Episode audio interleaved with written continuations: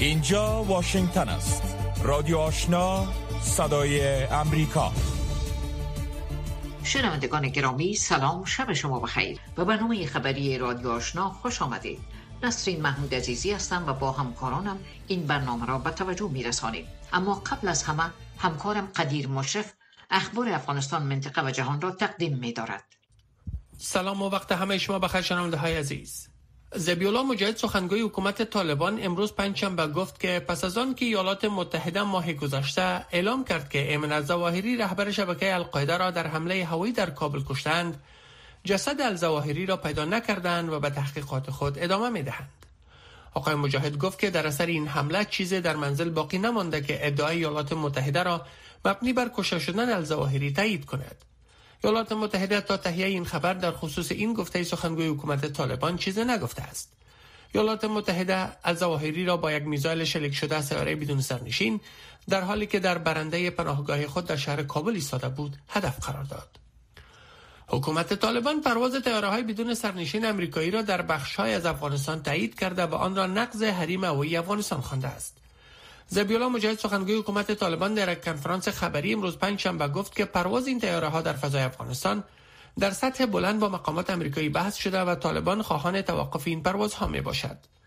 آقای مجاهد افزود که اگر ایالات متحده کدام نگرانی دارد آن را با حکومت طالبان در میان بگذارد تا به آن رسیدگی شود باشندگان شهر قندهار گزارش دادند که تیاره های بدون سرنشین در فضای آن شهر در پرواز بوده است ضمنا گزارش های تایید ناشده حاکی از حمله هوایی تیاره بدون سرنشین بر یک کمپ در ولایت هلمند است. اما مقامات طالبان و باشندگان محل آن را تایید نکردند وزارت خارجه ایالات متحده می‌گوید که در تلاش تسریع روند طی مراحل و انتقال افغانهای در معرض خطر است. اما به دلایل امنیتی جزئیات آن را فاش نمی کند. یک سخنگوی این وزارت به صدای امریکا گفت که تلاش می‌کنند تا راه مسئولی را برای شهروندان ایالات متحده دارندگان اقامت دائمی امریکا یا گرین کارت دارندگان ویزای ویژه مهاجرت و شرکای افغان و اعضای واجد شرایط خانواده هایشان که می‌خواهند افغانستان را ترک کنند تسهیل کنند. سخنگوی وزارت خارجه امریکا افزود که آنان منابع خود را برای طی مراحل سریعتر افغانهای واجد شرایط به ویژه دارندگان ویزه ویژه مهاجرت یا اسایوی در خارج از امریکا افزایش دادند. به گفته او این اقدامات رسیدگی به الزامات مهاجرت و اسکان مجدد را به حد اکثر آن میرساند.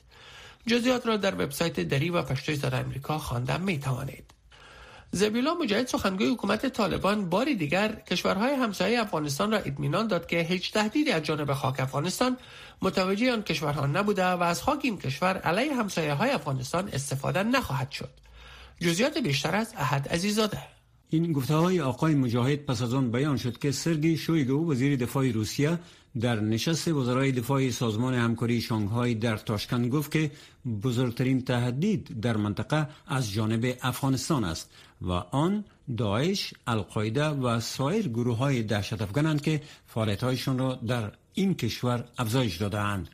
زبیولا مجاهد همچنان در خصوص بحث های روان در کمیته تعذیرات شورای امنیت در باره ممنوعیت سفر طالبان گفت که اگر این ممنوعیت بر مقامات طالبان وضع شود به این معنی است که جهان همکاری نمی کند و جامعه جهانی در خصوص وضعیت بد در افغانستان مسئولیت مشترک خواهد داشت. مافیت سفر برخی از مقامات طالبان به تاریخ 20 ماه اگست به پایان رسیده و تاکنون شورای امنیت روی تمدید دوباره آن به نتیجه نرسیده است.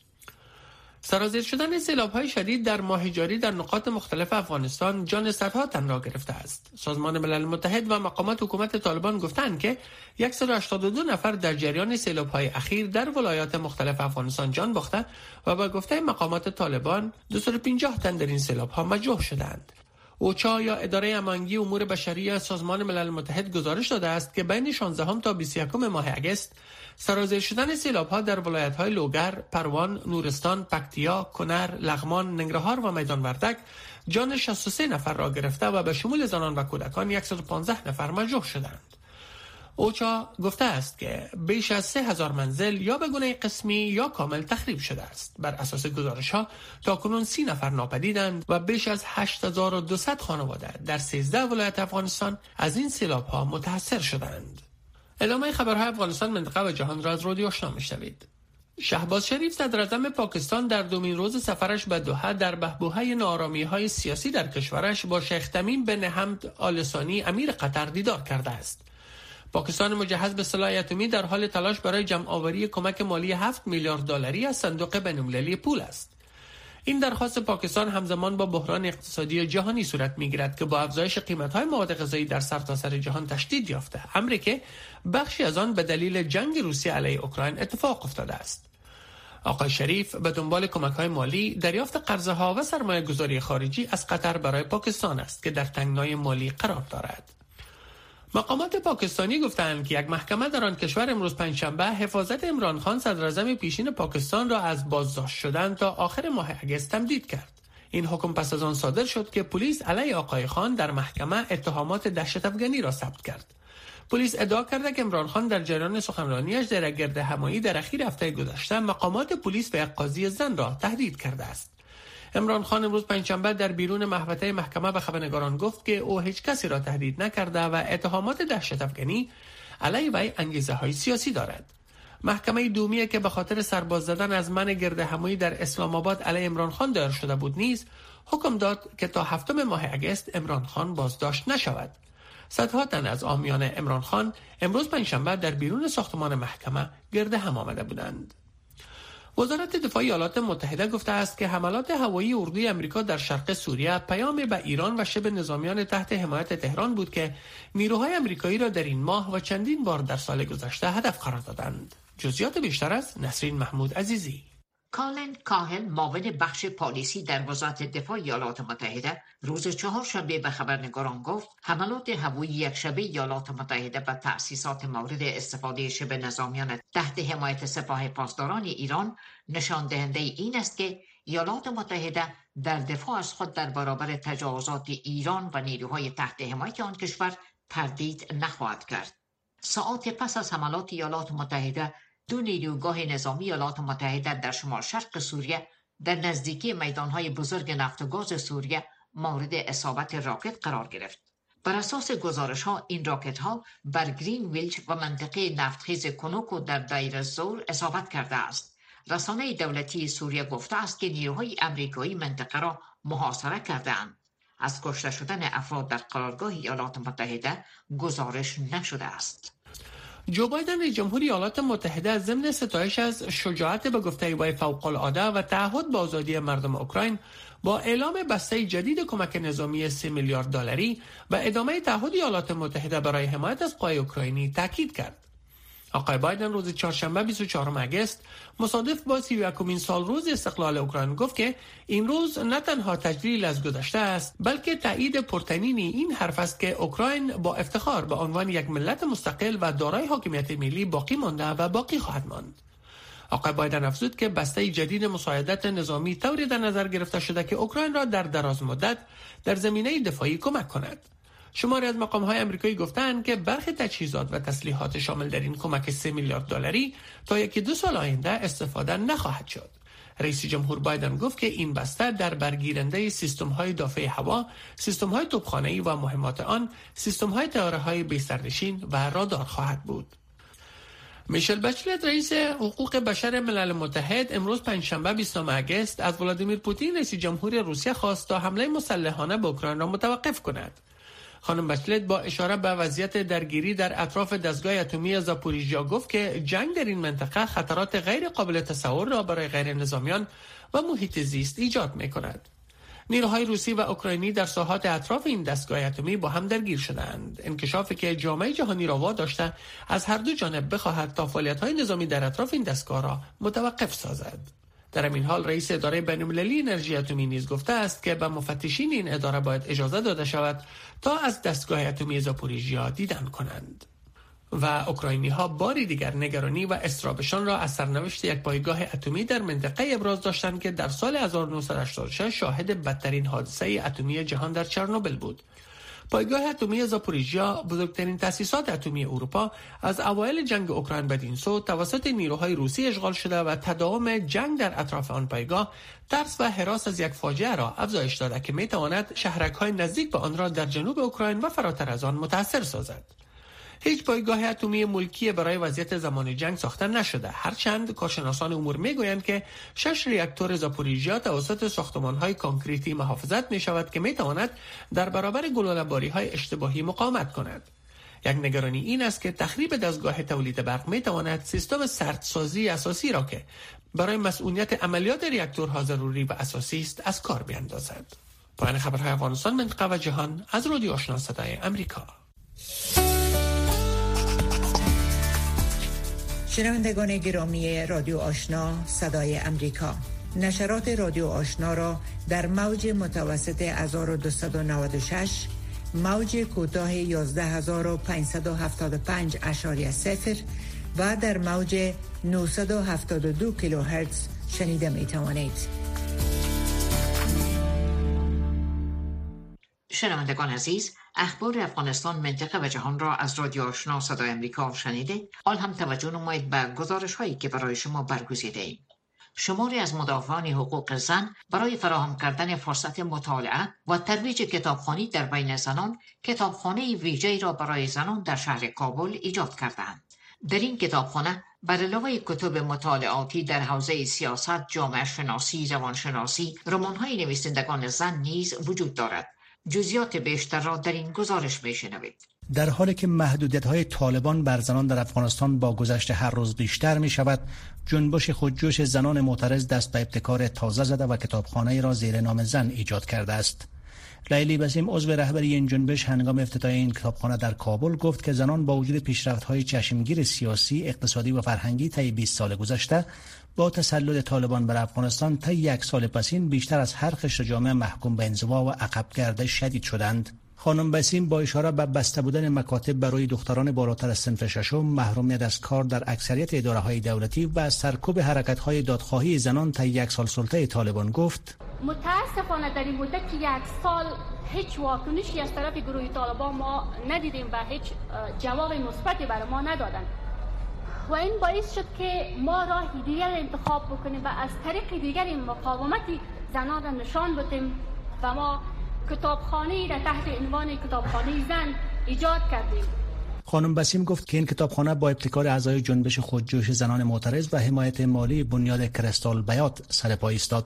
او گفت در چنین شرایطی که دنیا به زنان افغان پشت کرد و یک نسل و یک هویت را انکار نمود مؤسس این نهاد که یک زن از دست زنان افغان را گرفت. و گفته خانم بسیم با ایجاد این کتابخانه اهداف چون زنده نگه داشتن فرهنگ مطالعه و آگاهی در بین مردم به ویژه زنان و دختران و حل گوشه از مشکلات زنان دنبال می شود از طریق ایجاد کتابخانه مقاومت مدنی زنان را برای گروه هایی که مخالف زن هستند مخالف حضور زن هستند مخالف فعالیت زنان هستند. نشان بدیم که اگر شما دروازه های مکاتب را بسته بکنین اگر شما محدودیت تحصیلی برای دانشجویان وضع بکنین اگر شما از یک هویت از یک نسل شما انکار بکنین ولی زنای افغانستان حالا زنایی هستند که باسواد شدن خودشان را می‌شناسند و توانایی از این دارند که در جامعه بیاین و خودشان تعریف بکنند.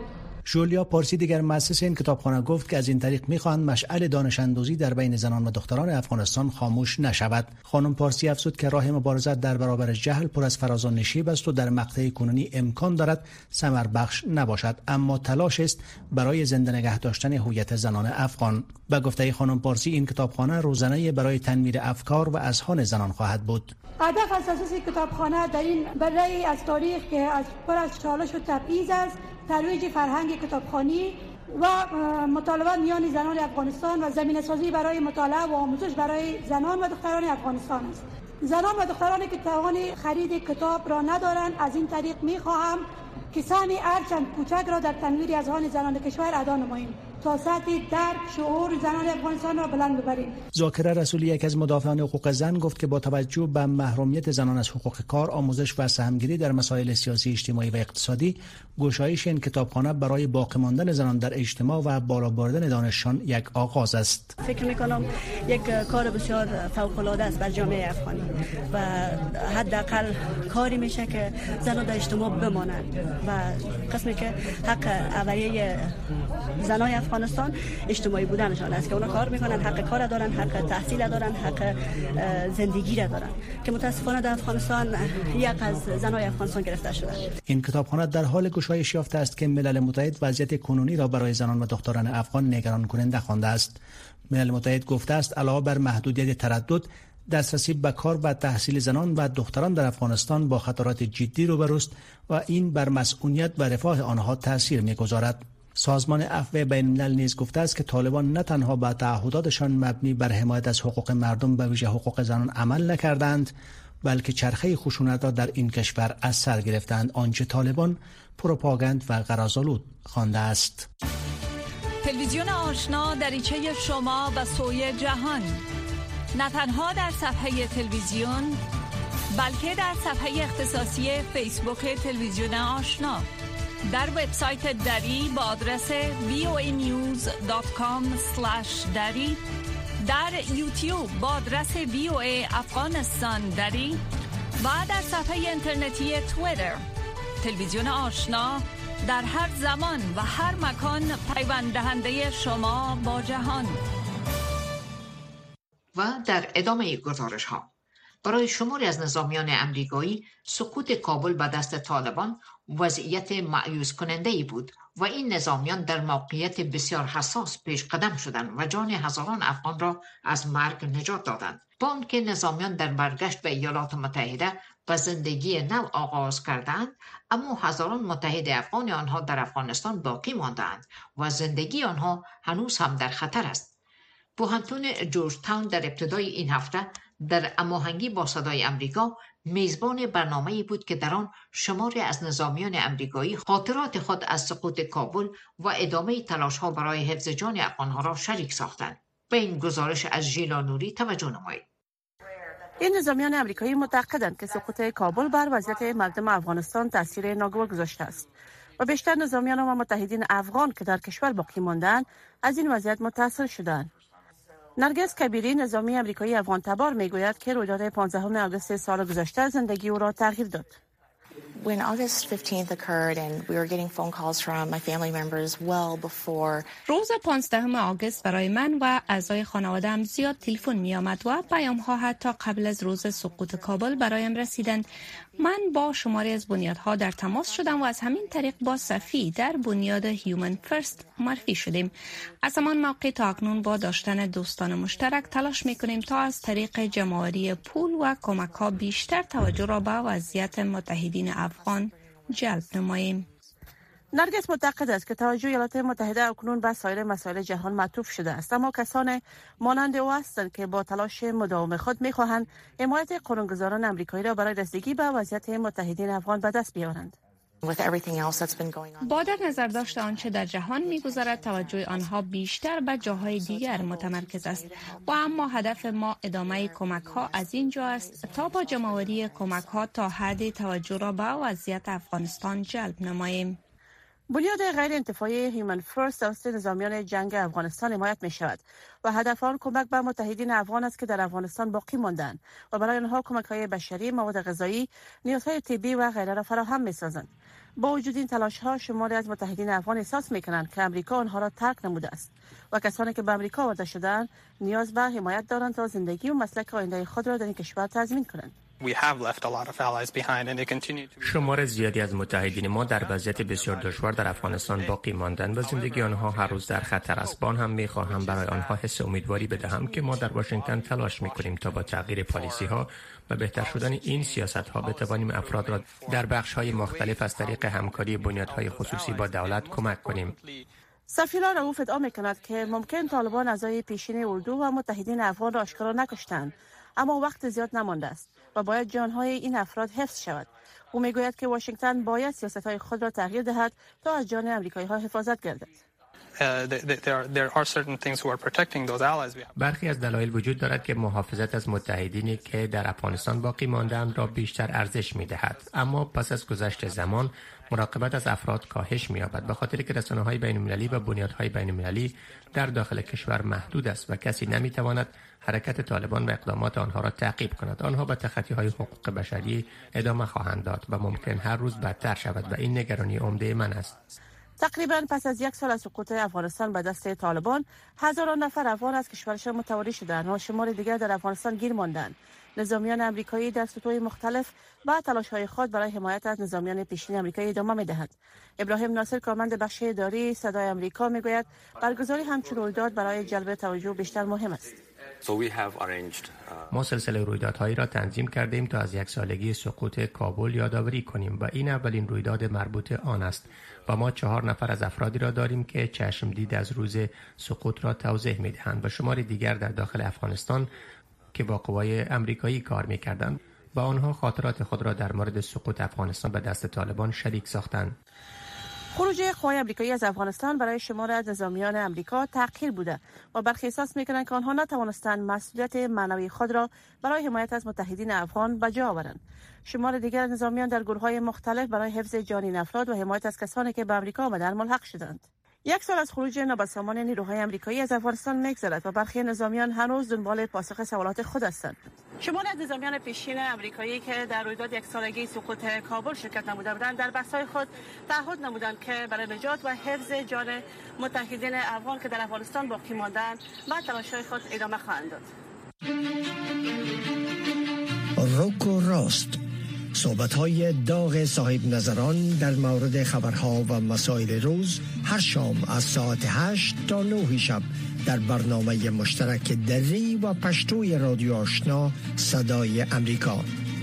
بخش زنده این برنامه را در نشرات ماهواره صدای امریکا نیز دنبال کرده می توانید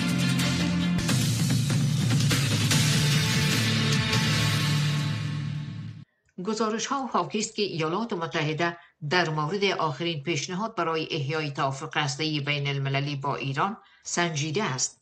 صدر اسرائیل این پیمان را که به نظر می رسد در حال شکل گیری است و شدت مورد انتقاد قرار داده و گفته است که این توافق مانع تبدیل شدن ایران به یک کشور هسته‌ای نمی شود و هشدار داد که اسرائیل برای جلوگیری از دستیابی ایران به سلاح هسته‌ای اقدام خواهد کرد. لندا گرادشتاین از بیت المقدس گزارشی دارد که عبدالواجد عادل به توجه می رساند. اسرائیل تلاش همه جانبه روابط عمومی را برای توقف توافق هسته‌ای در حال حاضر با ایران آغاز کرده است. یا لاپید صدر اسرائیل به شدت به توافق مورد مذاکره حمله کرده و گفت که ایران مذاکرات را دستکاری کرده است.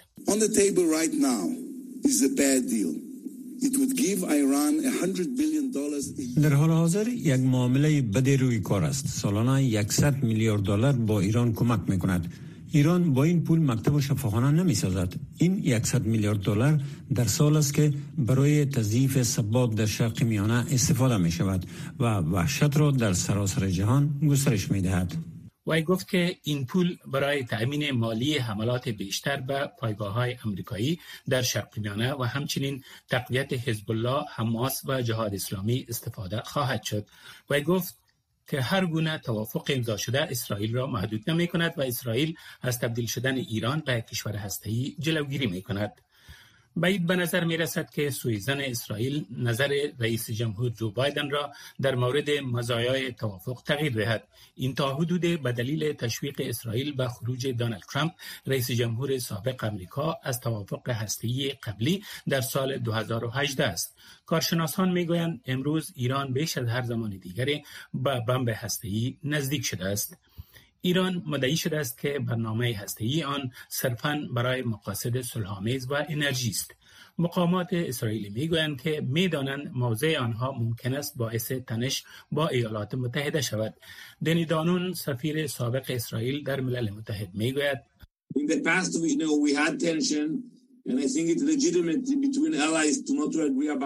در گذشته ما تنشهایی داشته ایم و فکر می‌کنم بین متحدان مشروع است که دائم در مورد همه چیز به توافق نرسند. ولی فکر می‌کنم وظیفه ماست که نگرانی های خود را در مورد توافق مطرح کنیم و اگر معتقدیم این توافق برای ما بد است باید آن را علنا بگوییم.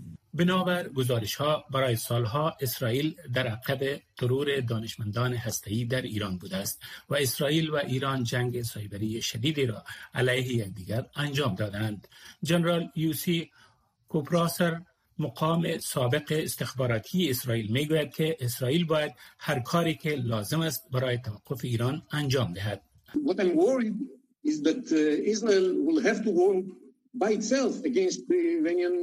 چیزی که من نگران هستم این است که اسرائیل باید به تنهایی علیه پروژه ایران کار کند و این کار را در حال حاضر انجام دهد.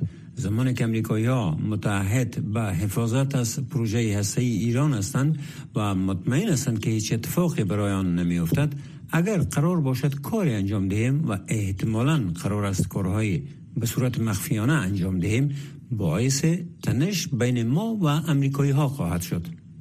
کوپراسر می‌گوید اسرائیل حتی ممکن است مجبور به حمله نظامی علیه برنامه هسته ای ایران شود. اقدامی که تأثیر گسترده در سراسر شرق میانه و فراتر از آن خواهد داشت. بیماری پولیو در سطح جهان محو گردیده اما افغانستان و پاکستان هنوز هم با این ویروس دست و پنجه نرم می کند تنها راه از بین بردن این بیماری شرکت در کمپاین های تطبیق واکسین پولیوست کودکان زیر سن پنج سالتان را واکسین کنید تا از فلج در امان بمانند.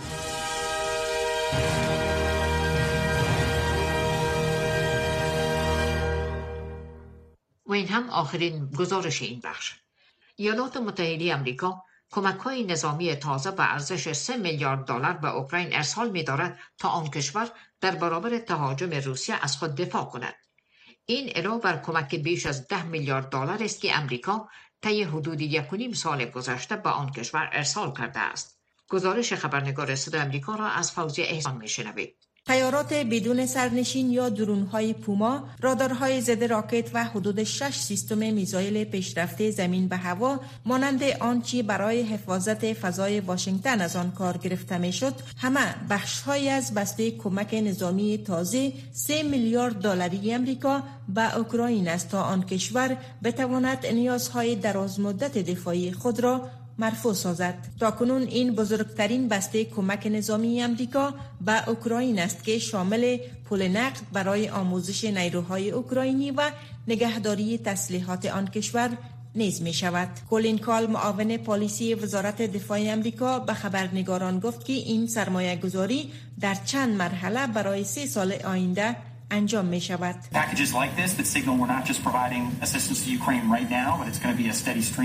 این بسته های کمکی نشان دهنده آن است که ما نه تنها اکنون به اوکراین کمک می‌کنیم بلکه این کمک ها طور ثابت و دوامدار برای ماها و سالهای آینده ادامه خواهد یافت. این کمک برداشت نادرست رئیس جمهور پوتین را به چالش می کشد. کولین کال گفت ایالات متحده در آرزوی آن است که درگیری اوکراین از راه صلح آمیز حل شود و و گفته او وزارت دفاع بدون در نظر داشت این که جنگ اوکراین چی مدت زمانی را در بر خواهد گرفت این کمک های نظامی را به خاطر تقویت ظرفیت دفاعی آن کشور فراهم کرده است.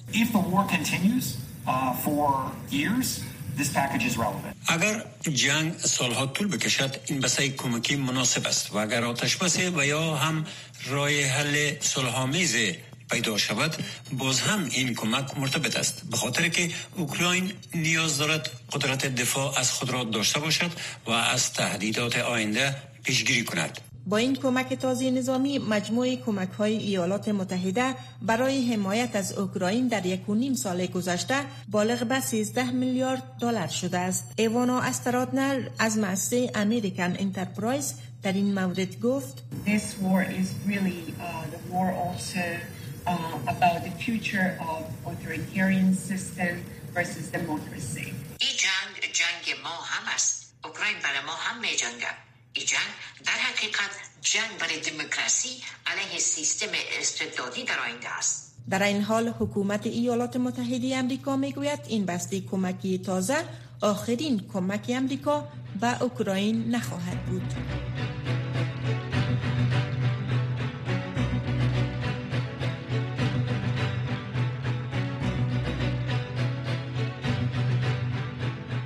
شنوندگان عزیز این بود داشته های این برنامه خبری که در همین جا به پایان رسید. اما نشرات پشتو و دری رادیو آشنا همچنان ادامه دارد. با ما باشید.